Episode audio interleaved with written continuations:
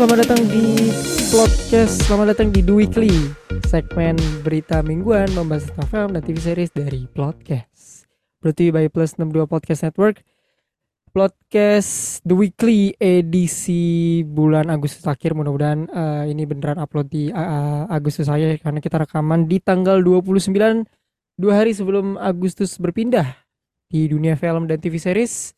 Ini masih di dunia-dunia film ini masih di apa namanya warnai dengan uh, writer strike ya uh, sebuah kegiatan mogok yang dilakukan oleh para aktor dan writer writer strike dan actor strike yang udah kita bahas di The Weekly dua edisi sebelumnya boleh kalian cek di Spotify dan di mana pun platform podcast kalian dengerin kita. Speaking of actors dan writer strike, uh, jadi nggak begitu banyak kayaknya berita akan kita berikan di The Weekly edisi kali ini.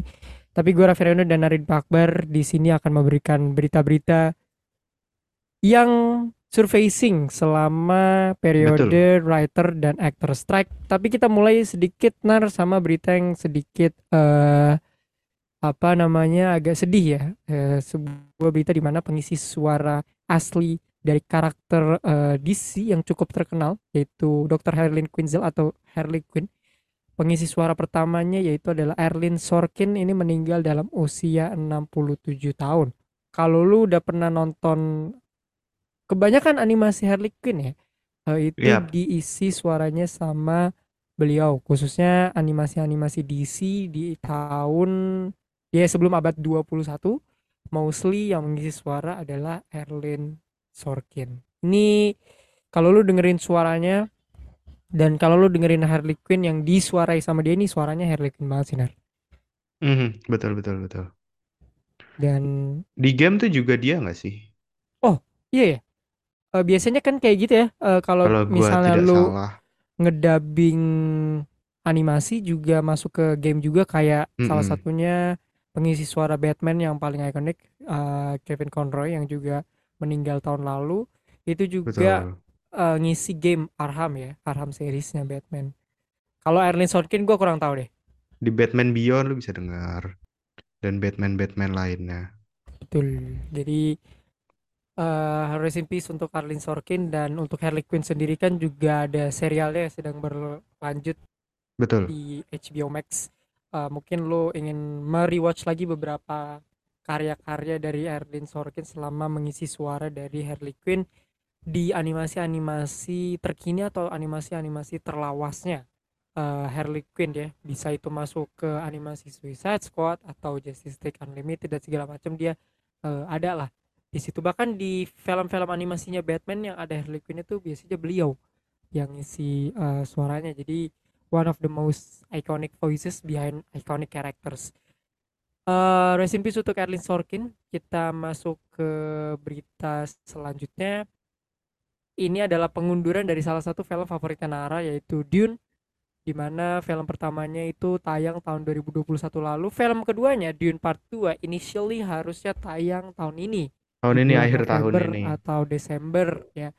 Sayang seribu sayang dengan adanya actor strike ini Dune Part 2 harus diundur beberapa bulan Maret 2024 uh, eh, jadi pengunduran ini merupakan tiga bulan dari dia. Writers dan actor strike ya tiga bulan ya Nar untuk sih setelah pemilu ya jadi waduh nggak nggak masih masih ada inilah trafficnya lah nanti lo sebagai betul, penggemar betul. film Dune gimana mendengar berita ini Nar cukup sedih sih karena gue harus nunggu lebih lama lagi dan lo tahu kan gue habis skripsi habis yudisium tuh gue cari hmm. self reward Waduh.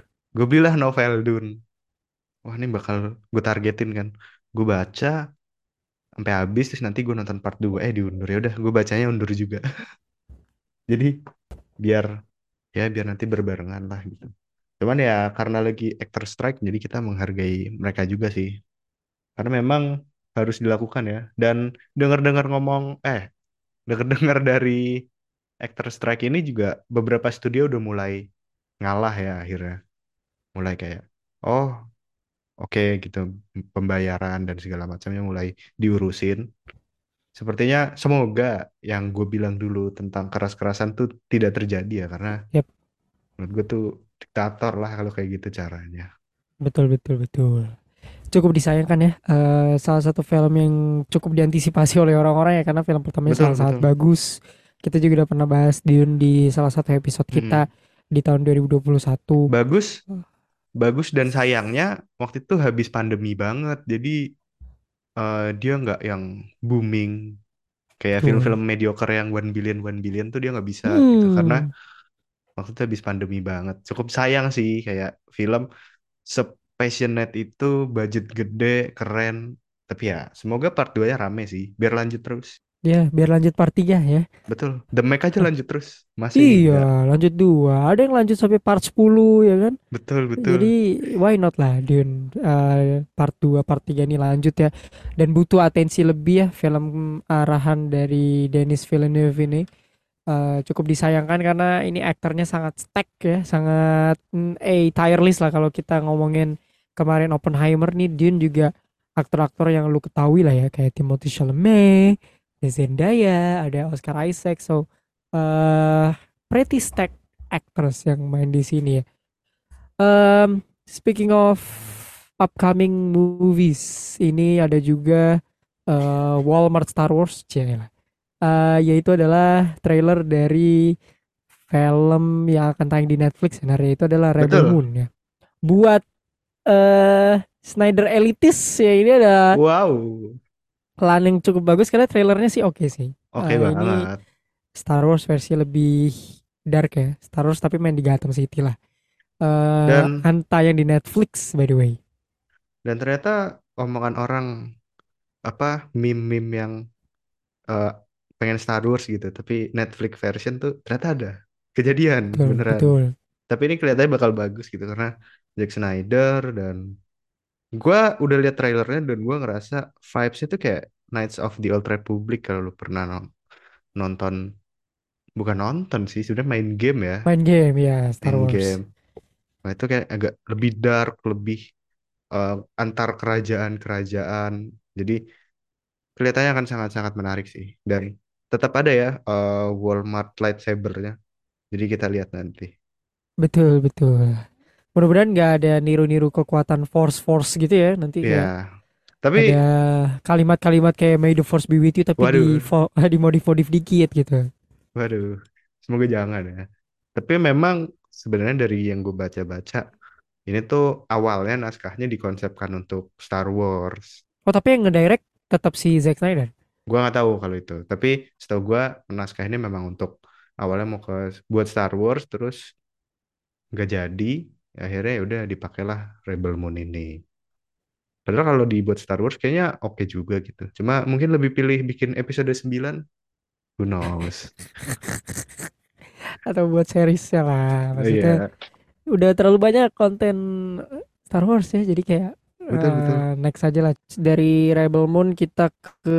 Ini baru deh kita ngomongin Star Wars ya. Eh udah tayang salah satu serial yang cukup awaited juga yaitu adalah Ahsoka. Eh Ahsoka ini sebenarnya siapa nar? Kalau di sama Star Wars kalau nggak salah dia tuh dari ini ya, dari animasi Clone Wars ya terkenalnya.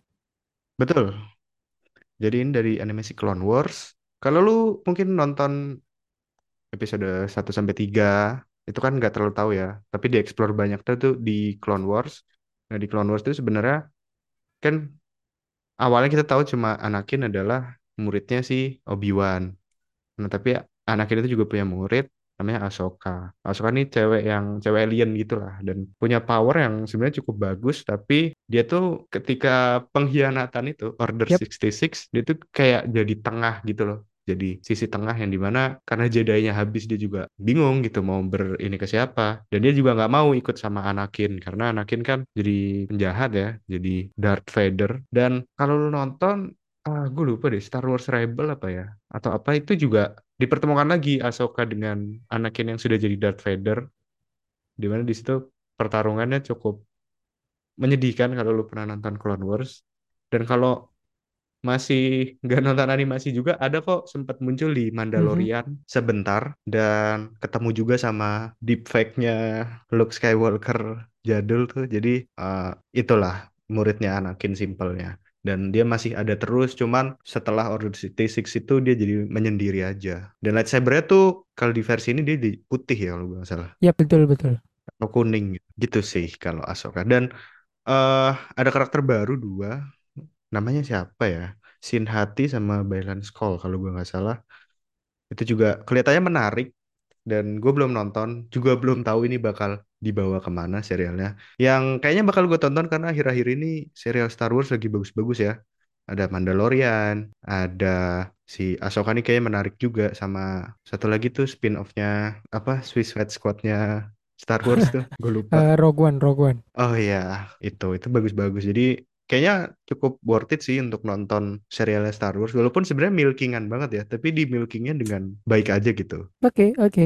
Eh, emang butuh lah eh, yang kayak gitu karena kan kita lihat Star Wars ini adalah salah satu universe yang di milking parah ya. Eh, bikin series, bikin Parah, film, parah. eh, bikin ada serial bagus, bikin Game. game kadang. Jadi bikin filmnya jelek ya. Dan- Jadi dan milkingnya tuh gimana ya lu lihat Marvel itu kan Hmm. milkingnya parah nah Star Wars tuh kayak 10 kali lipat lebih parah gitu setiap tahun Jadi, ada aja lu bikin projectnya. game iya tiap tahun tiap bulan tuh kadang-kadang bisa ada loh jadi kan Star Wars sebenarnya dia udah punya game Lego Star Wars ya 1 sampai 6 tapi per trilogi-trilogi nah kemarin gue beli juga tuh ada Star Wars yang full tapi Hmm. remake Lego Star Wars yang dibuat lebih serius Oh, combatnya tapi bagus banget sih. Gue suka kayak combatnya Arkham Knight gitu. Itu 1 sampai 9. Terus juga milkingnya tuh macam-macam deh. Mulai lu dimundurin timeline jauh banget. Knights of the Old Republic. Terus juga ada yang pilot tuh jadi pilot-pilotan di sana. Banyak deh kalau lu penasaran. Oh, ada ini juga Star Wars Vision juga. eh, ya. serial di Anime-animean. apa namanya Disney Hotstar ya yang lo bisa saksikan itu justru 10 kali lebih oke dari project-project Star Wars oke. yang lain di film ya. Project-project lain. Ada juga katanya mau bikin projectnya Lando Calrissian kalau gue nggak salah ya, yang dibintangin sama Iya, betul. siapa namanya Childish Gambino katanya. Jadi kayak kadang nggak perlu tapi dibuat jadi nggak masalah lah. Yang penting Lu udah Han Solo juga ya kan? Han Solo. Dan sampai sekarang gue belum tonton ya. Jadi eh, ya nggak penting juga sih. Soalnya agak kayak- juga. makin lama makin lama makin ketika terlalu jauh tuh jadi agak-agak aduh males gitu Boba Fett pun gue belum juga. tonton padahal eh, salah satu yang gue favoritin waktu kecil tapi begitu ada Mandalorian Lebih suka Mandalorian. kok si Mandalorian lebih bagus gitu jadi ya gitu Oke, deh oke. Eh, enjoy Ahsoka di eh, Disney Hotstar karena di beberapa bulan ke depan bakal ada film yang lebih Star Wars daripada Star Wars yaitu Rebel Moon ya. Sangat ingin Betul, menunggu betul. deh eh, komentar-komentar Stader Elitis di Rebel Moon ini. Ya. betul Apakah akan ya? apalagi udah pengumuman kan Superman Iya, baru wah makin-makin nih Makin-makin Snyder tuh. Elitis nih nanti eh, petisi baru ya. Snyder for Star Wars ya. Memang salah Iya. satu padahal mungkin Snydernya Iya, juga mungkin udah enak Snyder- gitu liatnya kayak, aduh ngapain sih please deh ini?" jangan gitu ya. Mungkin Snyder tuh kayak Ronaldo lah sebenarnya kayak udah capek gitu di tapi ya gimana gitu Iya, tapi pendukungnya banyak gitu, nggak apa-apa lah. Em, kalau ngomongin pendukung banyak, ini adalah salah satu apa ya, gue bisa bilang franchise atau kayak oh Percy Jackson and the Olympians. Ini serial atau film karena gue ngeliat sih kemarin di salah satu postingan page di Indonesia ya. Ternyata masanya ini sangat besar nar di Indonesia ada satu page eh, film Indonesia ya. Eh, gue tidak akan menyebutkan apa, cuman ketika eh, ada pengumuman film ini atau ada karakter kan yang di eh, iya karakter yang di apa namanya secara racially ditukar gitu ya itu sempat banyak yang komentar juga ternyata pasarnya juga gede di Indonesia Eh, gimana lu ngikutin gak Gede, eh, gede, Percy gede. Jackson gua enggak sih yang yang film sebelumnya yang di era 2010 itu sempat ada ya eh, Percy Jackson sempat Gua- sempat nggak pernah Percy Jackson tuh film tahun 2000 berapa ya? Gue lupa. 2010 2013. Mhm. Iya, jadi di Indonesia tuh rame karena novelnya laris. oh Dan gue pernah baca novelnya. oke oke Gue pernah baca novelnya dan novelnya bagus. Cuma memang eh, di serial baru ini ada pertukaran ras. ya salah itu di gitu. Ho- Hollywood Yang di sekarang ya. mana? Ya, gue tuh lupa versi novelnya tuh sebenarnya yang yang bener yang mana. Cuman ya ya udahlah gitu. Kalau gue sih ya udah gitu. Karena mungkin karena orang eh ngelihatnya dulu pas di film sebelumnya kan si Annabeth Ya. karakternya tuh diperankan oleh Alexander Daddario. Nah sekarang diperanin sama siapa ya? Leah Jeffries. Jadi emang beda banget gitu. Dan ini aktor masih muda banget, masih remaja gitulah. Gua ngerti sih maksud gua kenapa jadi rame banget gitu. Gue sih biasa aja karena yang perlu lebih perlu dikritisi kalau menurut gue sih ceritanya ya. Karena komiknya tuh bagus gitu. Eh, fantasi-fantasi yang menurut gua oke banget. Tapi kalau digarapnya nggak jelas kan juga Ya, buat betul apa betul. gitu. Jarang sih gue ngelihat Hmm. Eh apa ya namanya kalau kita ngomongin genre serupa tuh disukai banyak orang Indonesia gitu ya. Gue ngeliat masanya nih Percy Mhm, Jackson mhm. banyak juga ya di Indonesia dan gue juga baru Banyak, tahu baru-baru banget tahu kayak itu tuh ternyata salah satu adaptasi eh, novel juga gitu kan itu mitologi Yunani ya kalau gue nggak salah Percy Jackson itu di bawahnya eh tatanan dewa Zeus kan.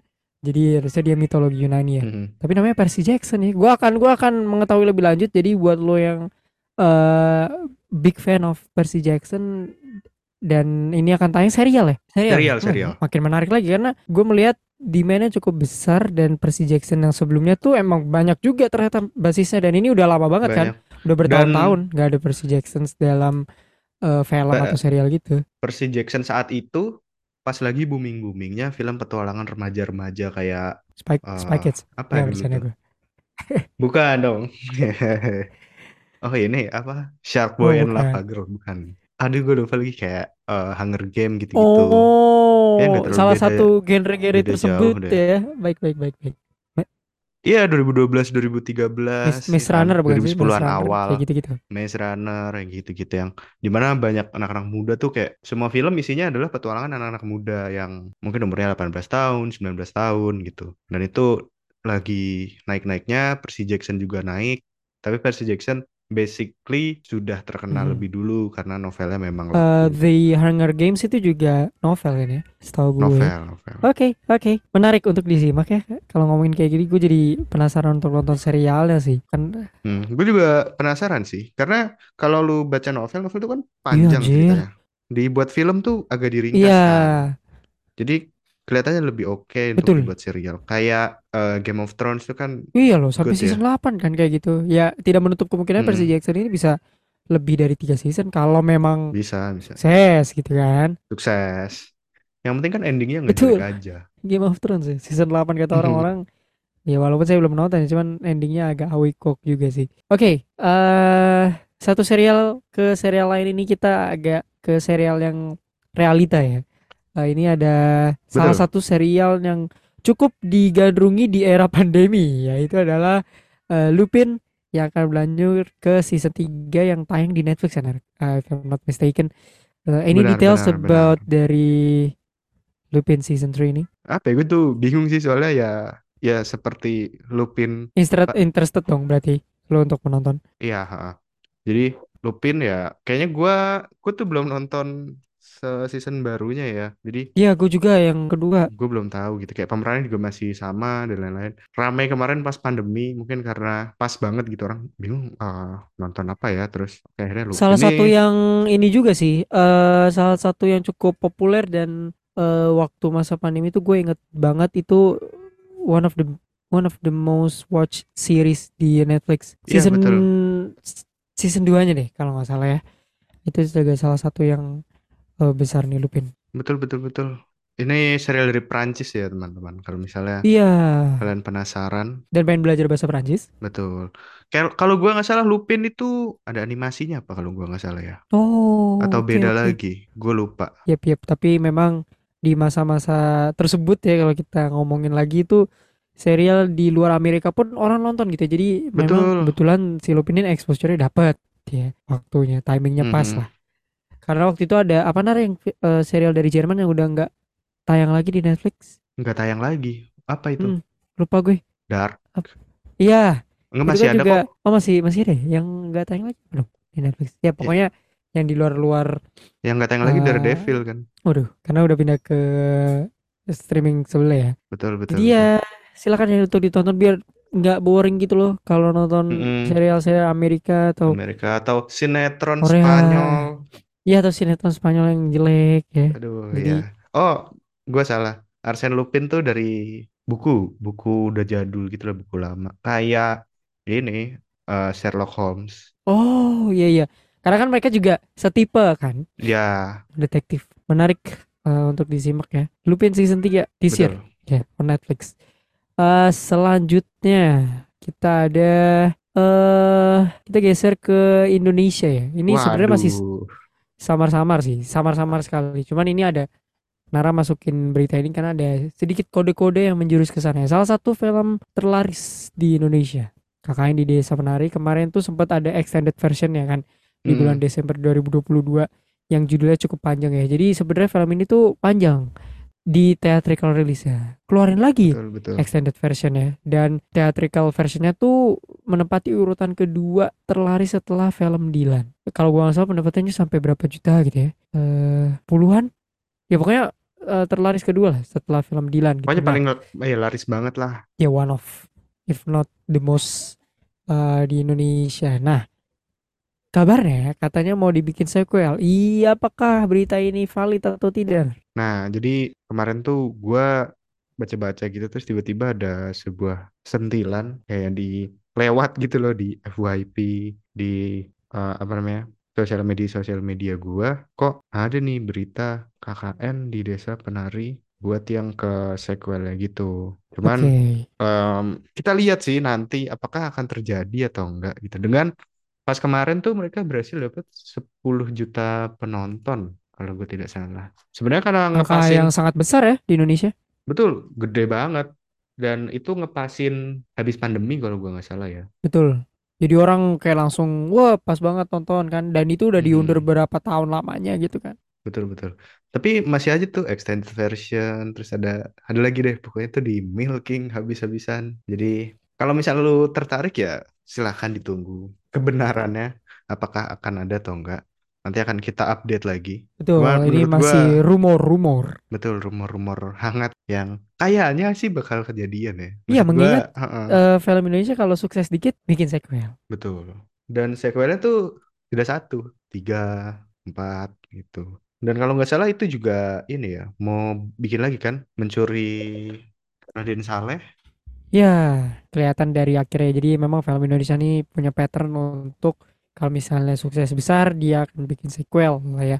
Atau bikin universe universe eh, sendiri ya. Jadi ada universe keluarga film keluarga pun ada universe ya. Jadi di Indonesia memang Betul kalau betul. sukses dikit itu eh, apa namanya latahnya dibikin sequel. Bahkan gak tahu ya kayak kan desa penari ini mungkin di desa lain atau tapi ngomongin soal universe nih agak melenceng sedikit. Kalau lo ya ngikutin film-filmnya Joko Anwar, gua nggak tahu dia emang sengaja membuat universe atau model-model kayak sutradaranya Aquaman dulu siapa? James Wan. James Wan yang suka masuk-masukin karakter ikoniknya dia.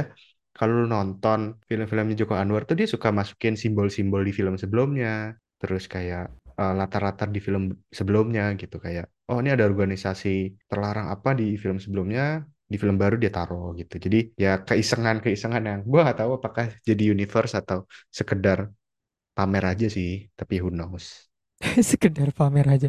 Oke oke. Ya mudah-mudahan sih with all due respect kali ini dari kejadian ya karena kan cerita berbasis cerita Twitter itu kan memang nggak ada kelanjutannya. Tapi gua Betul. koreksi gua kalau salah. Kalau memang endingnya gantung dan biasanya kan kalau ending gantung tunggu selanjutnya ya. Tunggu Mm-mm. selanjutnya. Jadi eh ya, ganas sih karena kebetulan saya juga ada di fase-fase film ini KKN. Jadi menarik ya eh, untuk menonton eh KKN di Desa Penari sambil KKN juga. Jadi silakan ya kalau mau ikut Betul. dalam salah satu film bersejarah ya, di Indonesia ya, KKN di Desa Penari. Em, akhir Agustus saatnya kita untuk rekomendasi film dan serial. Jadi eh, mengakhiri bulan Agustus ini ada beberapa film yang akan tayang dan serial yang akan tayang ya. Salah satunya kita mulai dari film dulu ya. Salah satu trilogi film ketiga dari eh, installment di Equalizer Equalizer. ketiga yang akan dibintangi oleh salah satu jika bukan aktor kulit hitam terbaik sepanjang masa Denzel Washington ini eh, akan tayang di akhir bulan ini loh guys ini aduh cepat sekali ya ini saya lagi bulan Agustus lagi libur nonton film sebenarnya eh enggak deh kemarin nonton Oppenheimer tapi setelah itu tidak nonton lagi dan akan menyempatkan untuk nonton The Equalizer ketiga di mana sepertinya dia akan menghadapi biasa lah kalau film-film kayak gini kan kalau Biasalah. film ketiganya udah ending ya eh, akan melawan the final big boss. Biasanya ini big bossnya entah dari Rusia gitu kan atau negara-negara Balkan ya. Negara-negara lawannya Amerika Serikat lah oh jadi enggak. enggak enggak enggak enggak tapi Tapi memang hebat ya, Denzel tuh di umurnya yang udah ke 68 tahun masih betul produktif loh.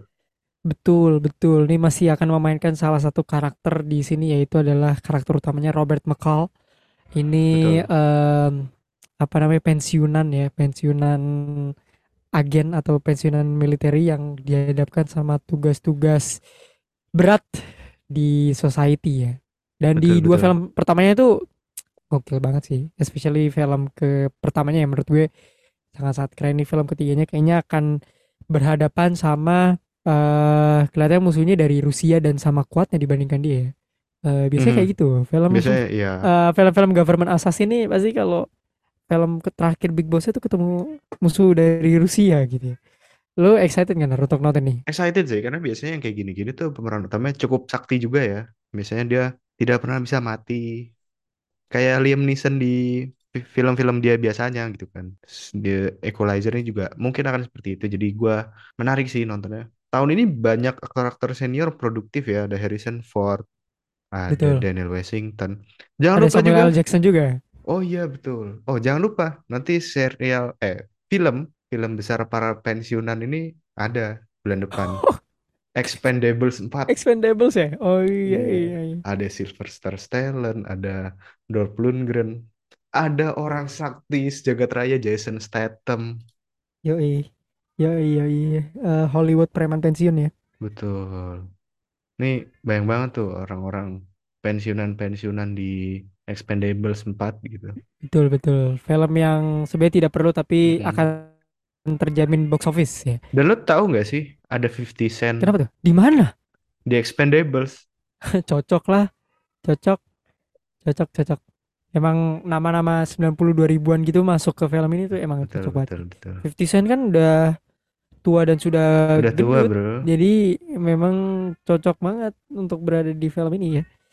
Benar, benar, benar. Bapak-bapak yang pas pas his prime main di film ini ya. Jadi salah satu rekomendasi kita juga ya walaupun tidak akan tayang di bulan ini tapi mengingat di Equalizer ini diisi oleh aktor yang relatif sudah tua jadi why not untuk ngasih rekomendasi film yang juga udah tua ya. Karena Betul, kemarin betul. muncul tuh ininya posternya ya dari Yap. Expendables juga. Jadi berbarengan nih di fase-fase di mana uh, trailer The Equalizer 3 muncul. So go check it out uh, The Equalizer 3 di bioskop-bioskop kesayangan Anda ya. Pasti bakal di uh, bioskop-bioskop yang nayangin film-film hipster sih. Gua gua agak Hmm. ragu ya XX1 akan menayangkan The Equalizer mengingat kesadisan dan usia batas usia filmnya sih gue yakin akan tayang-tayang di CGV ya atau Tapi Cinepolis sepertinya kayaknya sih.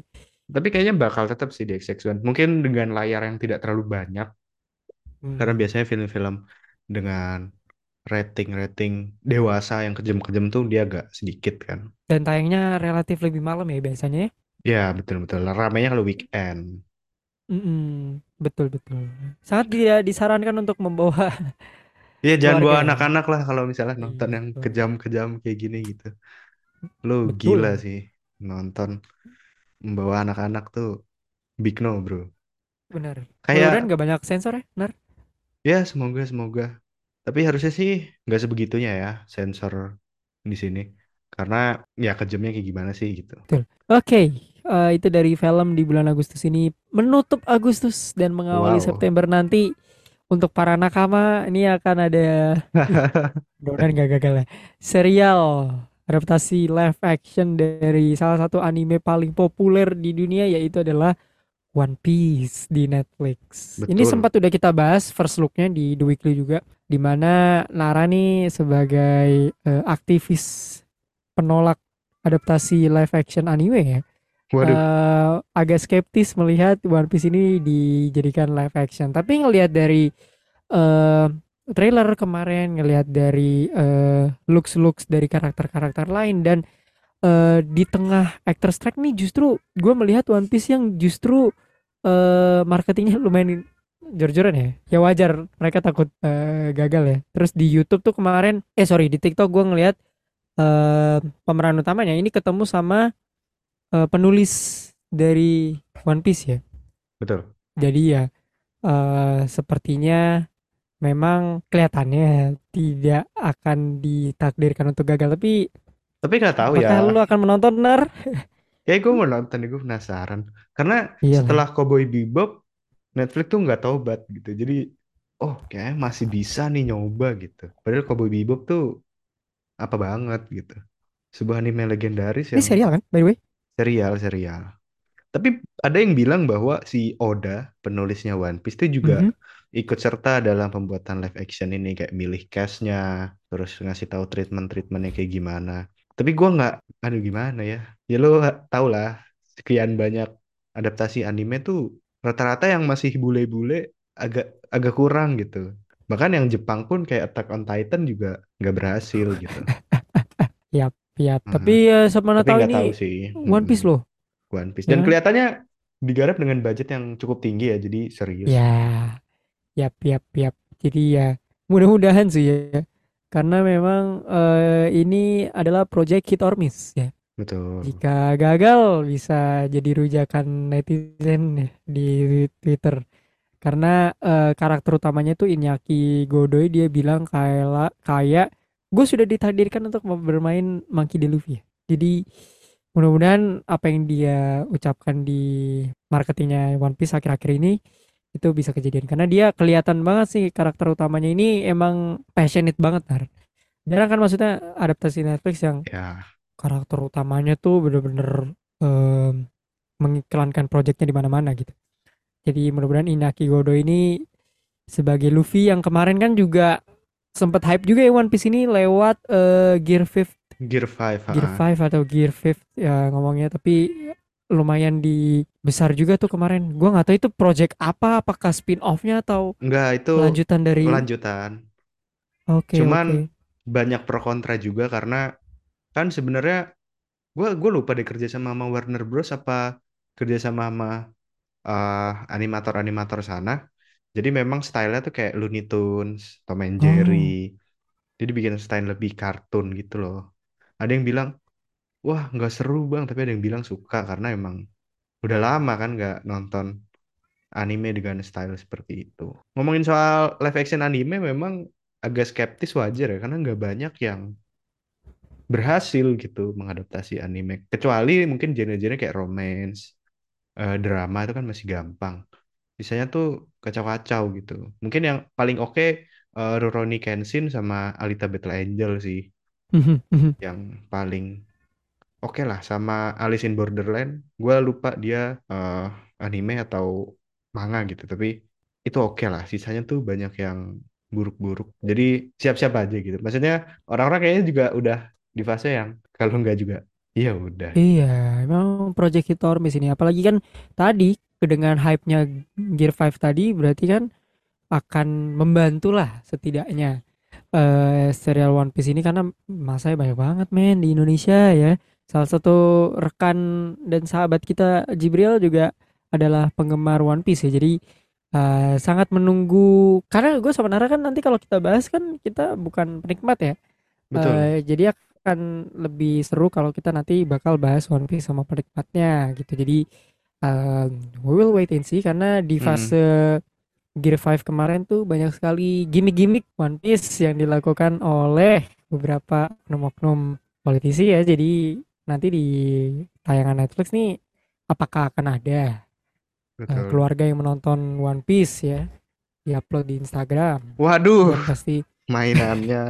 Menarik untuk kita simak gitu kan atau pakai topi One Piece ya pakai topinya Ya. Luffy sorry ada Betul. juga yang kayak gitu jadi kan untuk mendekati suara-suara. Gen Z ya kan itu pasti bakal ada lah yang kayak gitu Karena nonton bersama One betul. Piece bersama Karena keluarga K-pop udah. K-pop udah K-pop kan. udah Anime tapi sekarang. gagal Nah, iya. K-pop kemarin gagal, Gagal. gitu.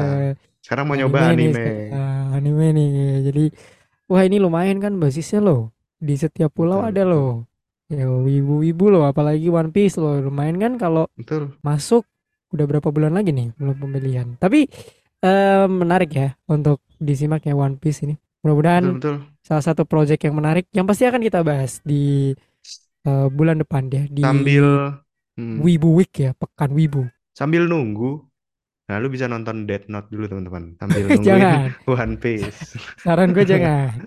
Jangan. Nanti lu malah turn off. Sarannya justru nonton One Piece ya. Oh. Animasinya dong. Nar. Kenapa lu sarannya Death Note ya, tapi boleh lah nonton animasinya yang udah beribu-ribu episode yang belum Betul. selesai juga sampai sekarang ya. Nggak tahu nih mungkin eh, animasi eh, sorry serial One Piece ini akan mengambil salah satu arc-nya eh, Luffy dan kawan-kawan ya. Mungkin dari origin Kayaknya story-nya atau gimana awal sih. dari awal ya. Takutnya kayak The Last Airbender kan. Bingung Oh, itu mau di- di, selesai di- di mana. gitu. Dirangkum. Dirangkum. oh Dirangkum iya. terus gak tahu akhirnya gimana tuh. Iya, monster air tiba-tiba. ya. Tapi oke lah. Banyak teman-teman gue yang juga kaum udah kemarin ada Gear 5 dan ada animasi eh, dan ada serial One Piece. Dia terjun nih untuk nonton animasi animenya One Piece. Jadi ya bagus lah untuk komunitinya One Piece ya nakama-nakama di luar sana sebutannya. Walaupun gagal tapi setidaknya animenya kan berarti banyak yang mulai memperhatikan lah. Karena kan ini Betul. tayang di betul. Netflix ya. Kita lihat gorengan-gorengan mana yang akan eh, hadir ya ketika nanti Iya. One Piece Netflix ini tayang ya. Karena Gear 5 nih kemarin lumayan banyak nih gorengan-gorengan di sosial media. Ada yang nggak nonton One Piece tiba-tiba nonton Gear 5 itu ada juga. Iya ada sama keluarga lagi ya. Iya, jadi Ya, nggak apa-apa lah. kita lihat lah nanti. Ya, FOMO-FOMOnya nih ba- bakal kelihatan ya. Oke mungkin itu aja dari episode ini. Kita ngebahas banyak hal. Tidak banyak karena memang beritanya cuma itu ya. Karena lagi Betul. fase actor strike yang tidak kita ketahui kapan. Tapi yang pasti di bulan September kita akan banyak bahas film lagi. Karena kemarin kita bahas Barbie di episode 79 dan Oppenheimer di episode 80. Jadi Betul. Go check it out Dan buat lo yang dengerin di mana pun kita, eh dengerin kita ya. boleh baca juga review dari The Mac. The Mac 2 Ya, di Instagram kita di @podcast_id ya. Itu betul, betul. cuman dua slide karena apalagi yang bisa direview Apalagi gitu. untuk The Mac. Kecuali Tapi buat- kesaktiannya Jason Statham gitu. Iya, itu memang ditulis dengan baik oleh Bapak Naredi Bakbar ini ya. Masih untung ya kita. Jadi kalau ada film-film yang tidak kita podcastin, kita larikan di konten Larikan di ulasan konten. kita. Betul, Silakan dibaca ya. Terhormat sekali ya film pertama yang kita ulas itu adalah The Mac 2. benar Di antara film-film lain yang mungkin Nara bisa review, The Mac 2. Dan gue nonton di bioskop loh. Itu dia.